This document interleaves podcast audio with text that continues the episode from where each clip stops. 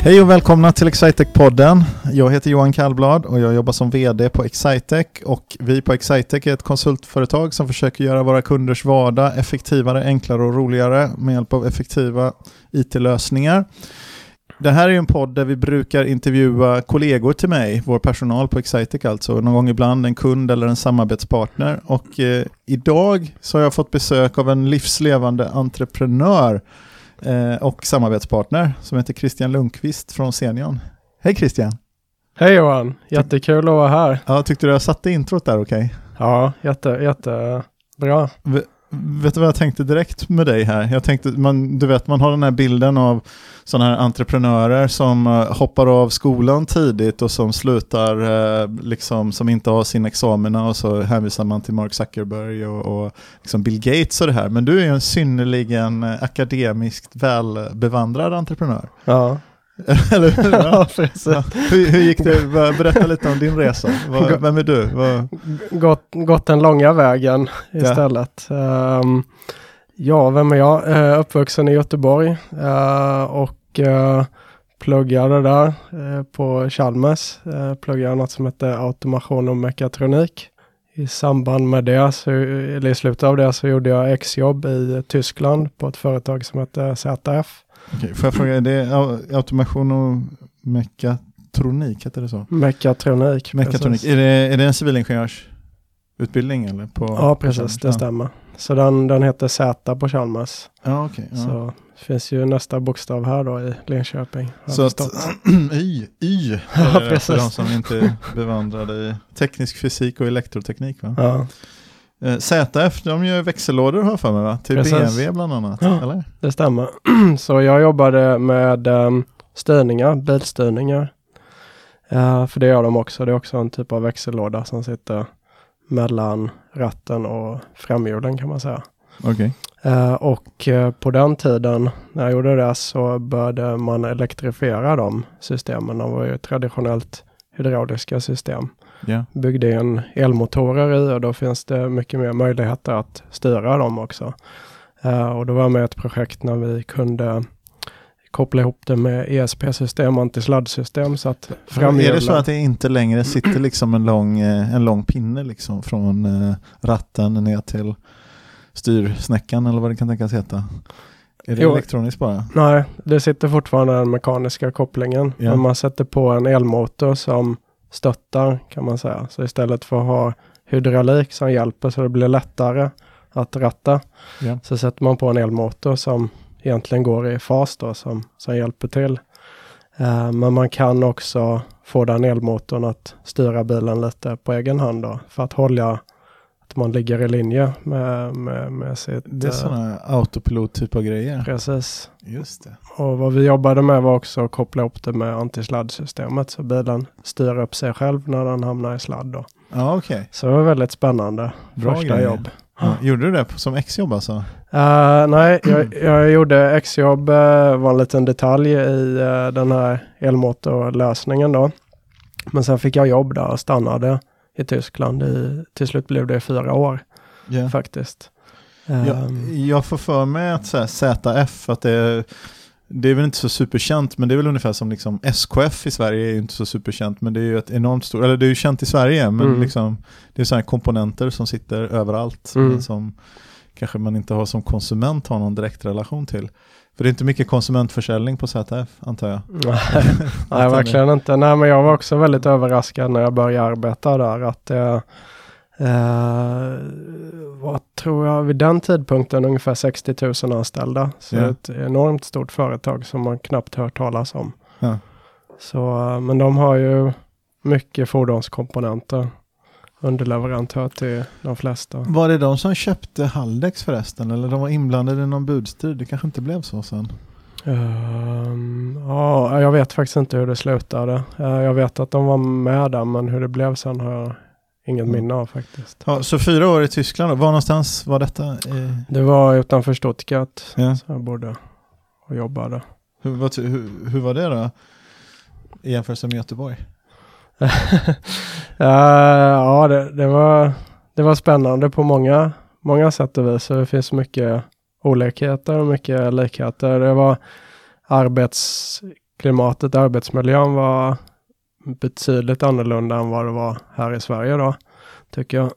Det var eh, de flesta cheferna agerade mera som mentorer eh, och, och, var väldigt insatta i eh, saker och ting så de kunde fatta beslut på egen hand. Um, och det blev väldigt mycket färre möten på det sättet. Uh -huh. Så det, det, var det jag har märkt som, som skillnad, som positiv skillnad tyckte mm, jag då. Um, men och, negativt blev väl kanske att man som ung medarbetare inte hade så mycket att säga till om. Då. Man kunde, man, om man ville påverka så var det genom chefen då på något mm. sätt. Um, men sen var det, eh, det var spännande att bo i, i Tyskland också. Det är väldigt vackert eh, landskap nere i södra Tyskland. Det är mm. nära till Alperna, nära att åka skidor på helgerna så att man kunde åka ner en, en fredag eftermiddag så var det kanske två timmar bort så var man i Alperna. Så det fanns mycket möjligheter på det här sättet. Mm. Hur hamnade du i Linköping sen då? Göteborg och Stuttgart och skidåkning på helgerna i Alperna. Det är ju inte det självklara livet vi har, eh, vi har här. nej, jag, jag, nej, jag hade aldrig satt mig en fot här i Linköping. Uh, Vad hände? Vad var det som gick fel? Uh, jo, efter fyra år så började jag fundera på att byta jobb uh, av olika anledningar. Uh, titta på några olika möjligheter.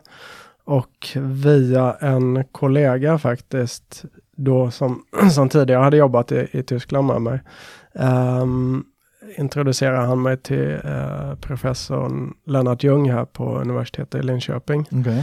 Um, som hade en doktorandtjänst här i ett samarbete med Volvo. som lät väldigt spännande. Uh, och jag uh, stod och vägde och funderade på, ska jag, ska jag doktorera eller inte? Eller ska jag hitta, hitta ett, ett um, vanligt jobb i industrin? Um, så tänkte jag ändå, nej men det, ska jag göra det en gång så blir det nog nu, för annars finns det nog inga mer chanser sen. Så att då hoppade jag bara på det uh, och, och åkte hit till Linköping en en, uh... hade, hade, du tänkt att kanske doktorera när du flyttade ner till Tyskland? Eller var det alla de här tekniska doktorerna man brukar vara omgiven av när man är i tyskt näringsliv ja, precis. som påverkade?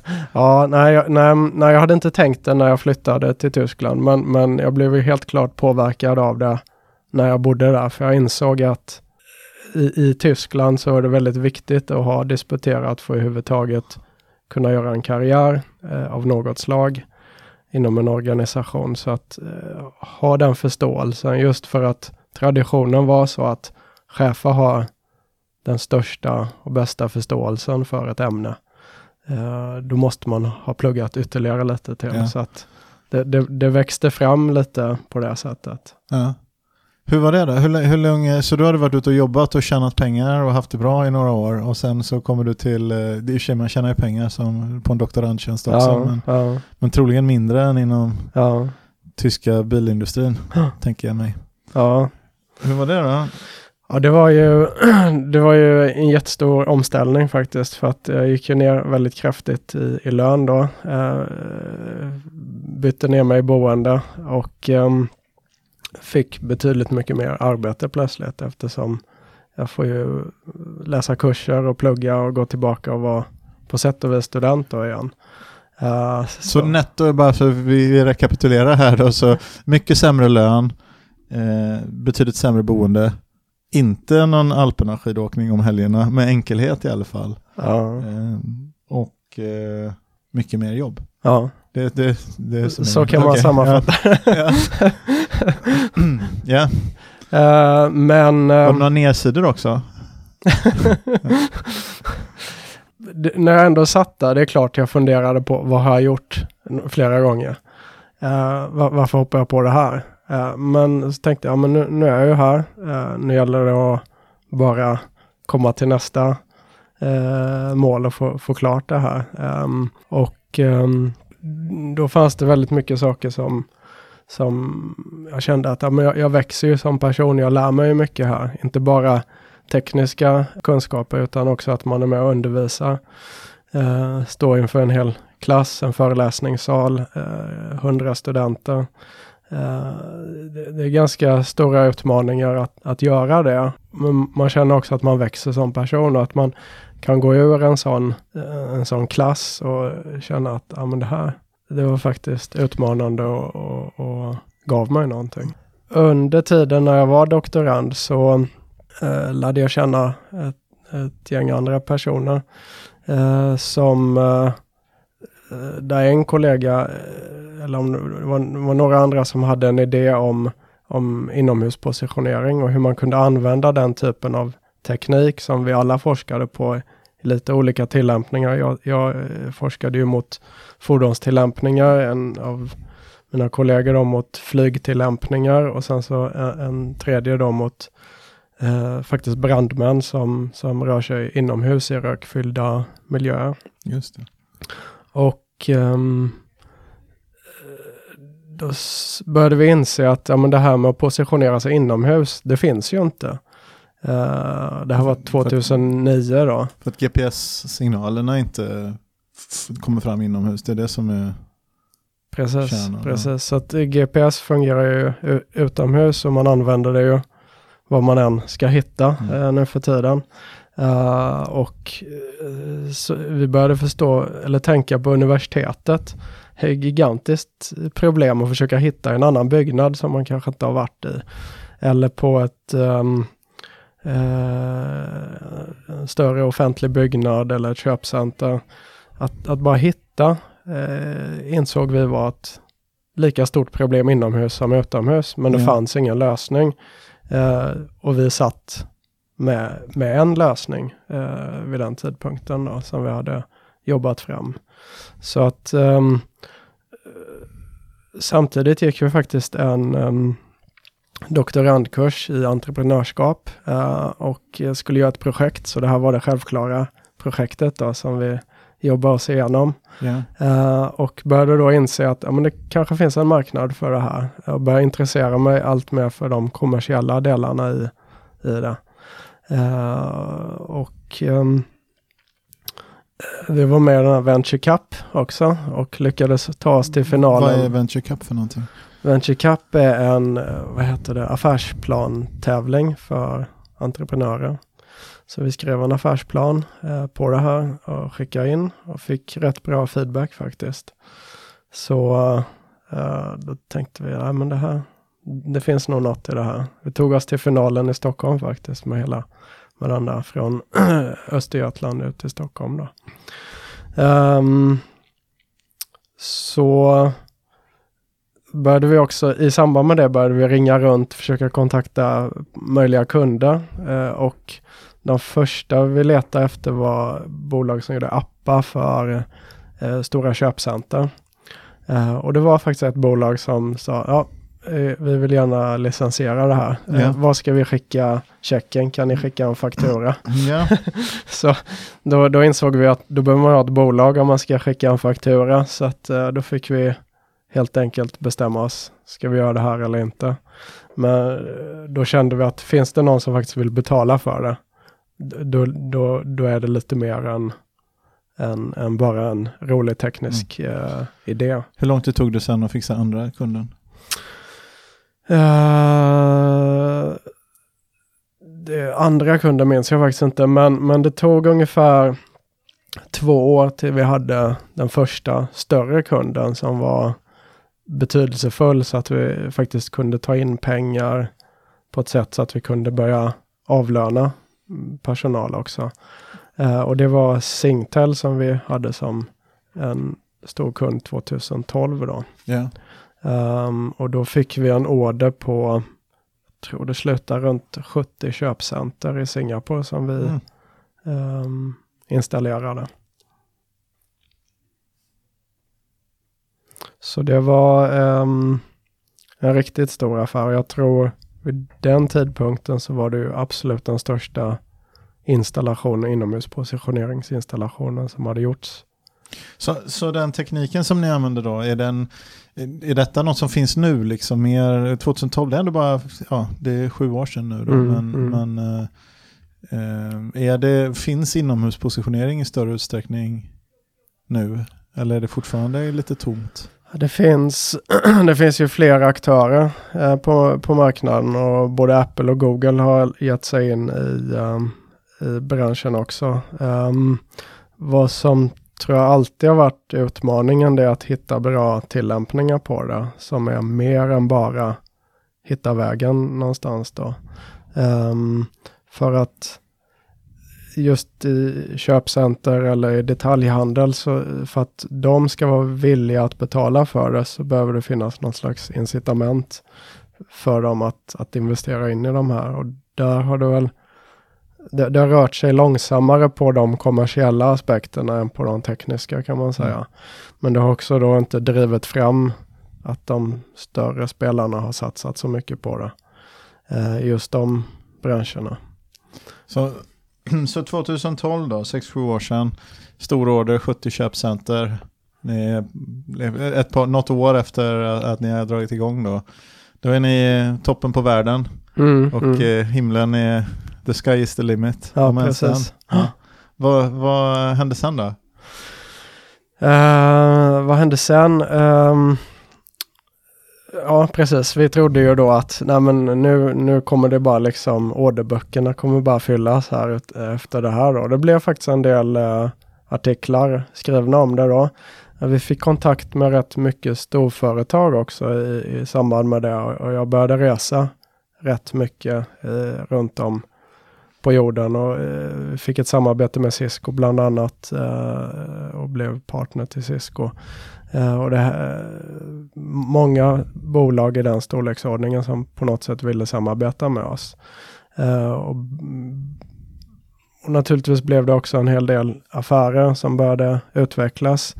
Um, men det gick kanske inte riktigt så snabbt som vi hade velat. Då, det trillade inte in av sig själv, eh, affärerna. Men, men eh, eh, vi kämpade på och eh, vi lyckades sen under de följande åren leverera till några av världens största köpcenter. Um, uh, Dubai Mall är ett som, vi, som är världens största köpcenter. Uh, Mall of America i USA som är USAs största.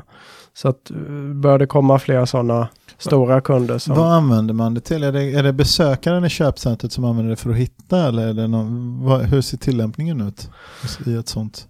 Ja, precis. Så att, primärt är det för att hitta i så stora köpcenter, alltså en, en service till, till uh, besökare.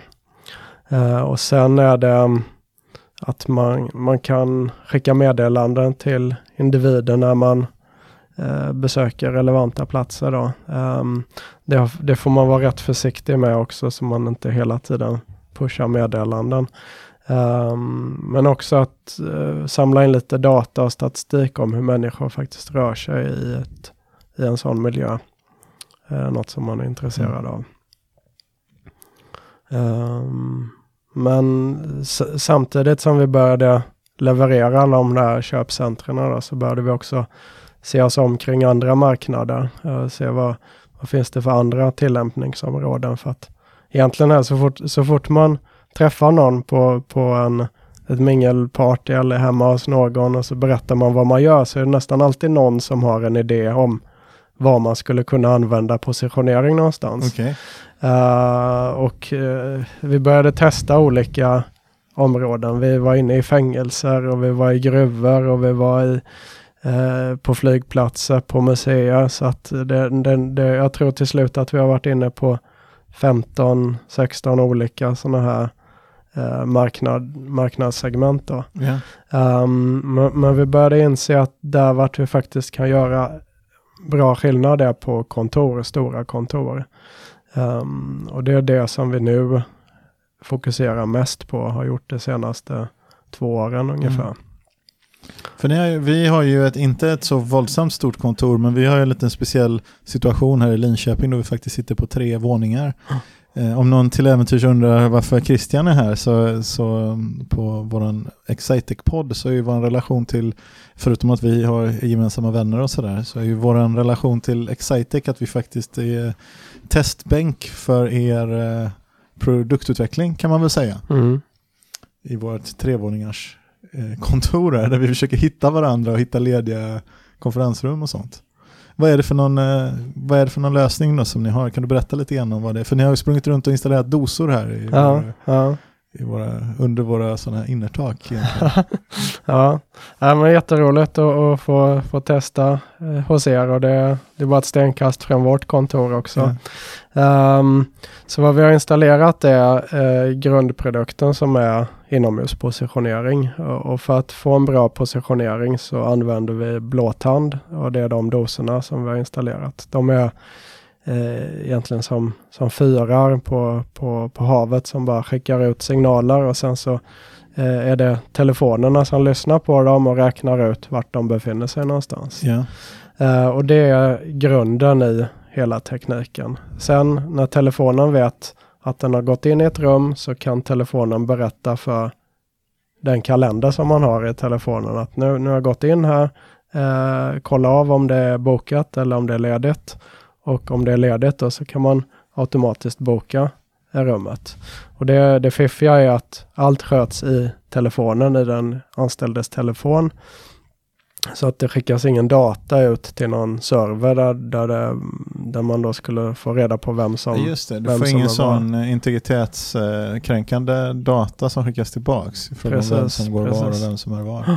Så att man kan säga all, all intelligens sitter i telefonen och där har man ju oftast sin e-mail-klient eller sin kalenderklient också. Så att där sker den synkningen. Då. Är, är det mycket som skiljer beroende på vilken sorts eh, telefon man har, vilket märke man har? Eller är det mest eh, liksom om man kör, eh, ska vi säga, om man kör Googles plattform till exempel Gmail och det här och, och Google Calendar och sånt. Liksom, är det standardiserat då oavsett vilken telefon du har eller får ni, får ni ett problem när ni måste supporta olika telefonmodeller?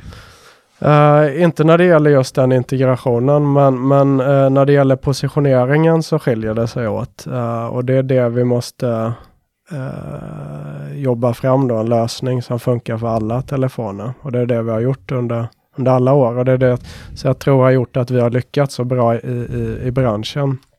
Det är ett av de sakerna. Det finns, det finns många konkurrenter som har lyckats kanske ta fram en bra positionering i en labbmiljö med en typ av telefon.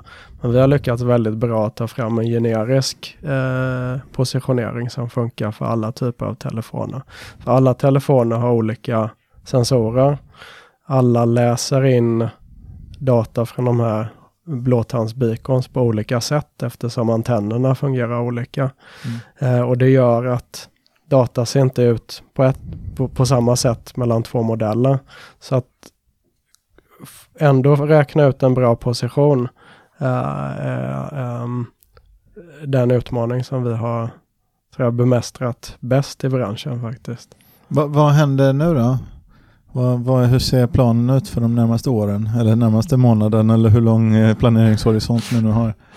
Uh, ja, nu har vi ju uh, vuxit som bolag på det sättet att vi har gått från att bara tillhandahålla den här uh, plattformen positionering till att nu göra en helhetslösning för kontor, kontorsanställda.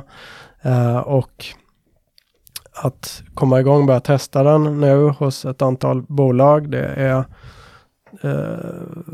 fem, sex bolag just nu som, som kör en första testning på dem. Ni är ett av dem lyckligt utvalda till det. Ja. Eh, och eh, vi hoppas att det ger er eh, mycket eh, att, att använda den så att vi får den feedbacken. Och eh, att eh, sen naturligtvis eh, driva på att sälja det här till allt större bolag. Men ni säljer direkt till bolagen då? Ja, det gör vi. Så ni har egen försäljningsverksamhet? Ja, det gör vi. Ja. Ja, du, vi har ju ett, du erkände ju här när vi småpratade innan när jag började spela in att du inte hade lyssnat på den här, eh, den här eminenta podden. Eh, och det är helt okej, men en sak som, jag, som du då inte känner till är att vi har ett avsnitt som heter Någon berättar om något som vi har i nästan varje avsnitt. Ja. Och någon berättar något om något, det är du som är någon idag. Så då får du välja ett samtalsämne helt eh, fritt vad du vill. Eh, I, eh, ja, någonting som du känner för att delge, eller ett tips som du vill ge, eller någonting i den stilen. Är det någonting som du vill berätta om idag Christian? of, ofta när man får sådana här chanser som har kommit i livet, man, man, man sitter och funderar på någon idé eller startar ett bolag, att man man vågar göra det, att man, man tar det klivet. Att man kanske inte funderar igenom alla detaljer framöver för då, då blir man alldeles för feg tror jag. Utan att man vågar satsa och köra är det, är det ett tips? Det är Eller nog mer tips. Ja, jag, Eller är det en beskrivning av dig själv? nej, nej det, det tror jag inte det är faktiskt. Men, men jag brukar uppmuntra mig själv att, att eh, göra det. För jag, jag tror att jag är ganska feg själv faktiskt. För, för jag tänkte egentligen för steget från ditt doktorandskap sen ut till entreprenörskapet, det är ju Ja. ännu vi sa är ett steg från att ha den här trygga anställningen eller vad vi ska kalla det för på ZF då. Ja, och sen så ja. hamnar du i en, eh, i en eh, mer utmanande miljö med mindre betalt på universitetet och sen tog du klivet ut i entreprenörskapet och det, Ja. brukar ju, det har jag ju viss erfarenhet av och det brukar vara i regel ännu mindre betalt och ännu mer jobb i början tills det lossnar i alla fall. Ja, Eh, så, vilket man inte vet, det är det jobbiga va? man vet ju inte om det kommer lossna. ja, Men, eh, ja. ja, min lön har ju dalat sen. Ingångslönen var den högsta. Och sen har det gått ner för ja, Jag har gått från att vara tekniker till att forska inom teknik. Ännu mer Ja, finlir så att ja. säga. Och sen så eh, hoppa upp ur den där Mm. lilla, eh, lilla pölen och, och, och titta på det eh, från ett kommersiellt perspektiv ovanifrån. Och att man, man börjar ifrågasätta vad var det jag egentligen gjorde innan, varför var det intressant? Man börjar fundera på vad, vad är det som är viktigt egentligen. Ehm, Jag kommer ihåg att min, min pappa brukade säga en grej till mig som var, jag, jag tror inte han har tänkt ut, det, eh, tänkt ut det själv, inte för att han han brukar inte tänka ut sådana här saker men han har säkert återberättat vad någon annan hade sagt. Men, men han sa att gräns, det som händer när man lär sig mer det är att gränsen till det okända blir ju större och större. Så att du, ju mer du vet, ju mer vet du att du inte vet. Vilket kan vara en ganska jobbig känsla, men man får lite gärna acceptera det när man börjar lära sig att öva nya saker. Då, det är samma som det felet jag tycker vi, vi, också, vi ofta gör i vår, eh, vi kanske jobbar mot en viss kundsegment, till exempel vi på vårt bolag, med att hjälpa en viss kundsegment med deras affärsproblem och så börjar man zooma in i det och så ser man hur oerhört komplext och mångfacetterat och hur många olika varianter det finns av det mest, det som du från avstånd kan uppfatta som det allra enklaste, liksom servicetekniker eller något sånt där. Hur många olika sätt det finns att vara servicetekniker på och hur olika systemstöd man kan ha. Och sen kan man titta på en helt en marknad som man inte har någon aning om och så antar man att den är enklare. liksom. Men det är den ju i regel inte, utan det är bara att du inte vet. Så om du vet mycket om servicetekniker men inte vet någonting om måleriverksamhet, då antar Mm. du att måleriverksamhet är enklare. Men det är det antagligen inte. Det är bara att du inte vet den. Det du inte vet. Så det där är en, en, eh, det där är en utmaning. Men om man visste om alla problem innan man, innan man började göra någonting, då hade man ju Hade man inte gjort något. då hade man inte gjort någonting alls. Nej. Då hade man jobbat kvar på ZF. Ja, ja. Ja.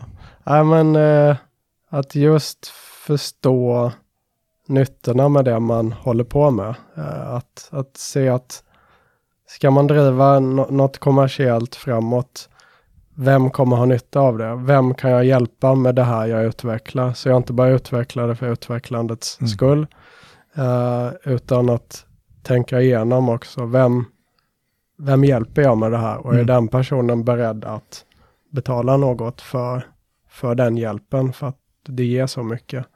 Det är ju kärnan i Det egentligen. är nog kärnan i att skala ett företag. Nästan alltid. Så vi vill inte ha ett, eh, en lösning på jakt efter ett problem. Utan det ska vara problem på jakt efter en lösning. Ja. Det här är oerhört svårt. Jag pratade med en kompis om grafen i, i helgen. Du känner till det fantastiska supermaterialet. Men eh, han sa att grafen det är ju världens bästa material. Det kan allt utom att lämna laboratoriemiljön. Så. Alltså, fantastiskt material som man inte riktigt, man tänker ut att det, det måste gå att använda till något för det har sådana enormt fantastiska egenskaper. Man bara vet inte riktigt vad. Och det är svårt Ja, att driva ja. verksamhet. Men du, det var bara ett sånt här litet samtal som Ja. var med podden. Det var inte så farligt va? Nej, det var kul att vara här. Ja, jag får tacka så mycket för att du tog dig tid att medverka i Excitec-podden. Tack så mycket själv. Ja, och mer information om Christian, det hittar man på, eller mer information om det ni gör, det får du säga en webbadress eller någonting i den ställen. Så Det hittar ni på www.senion.com. det blir alldeles utmärkt. Tack så mycket. Tack själv.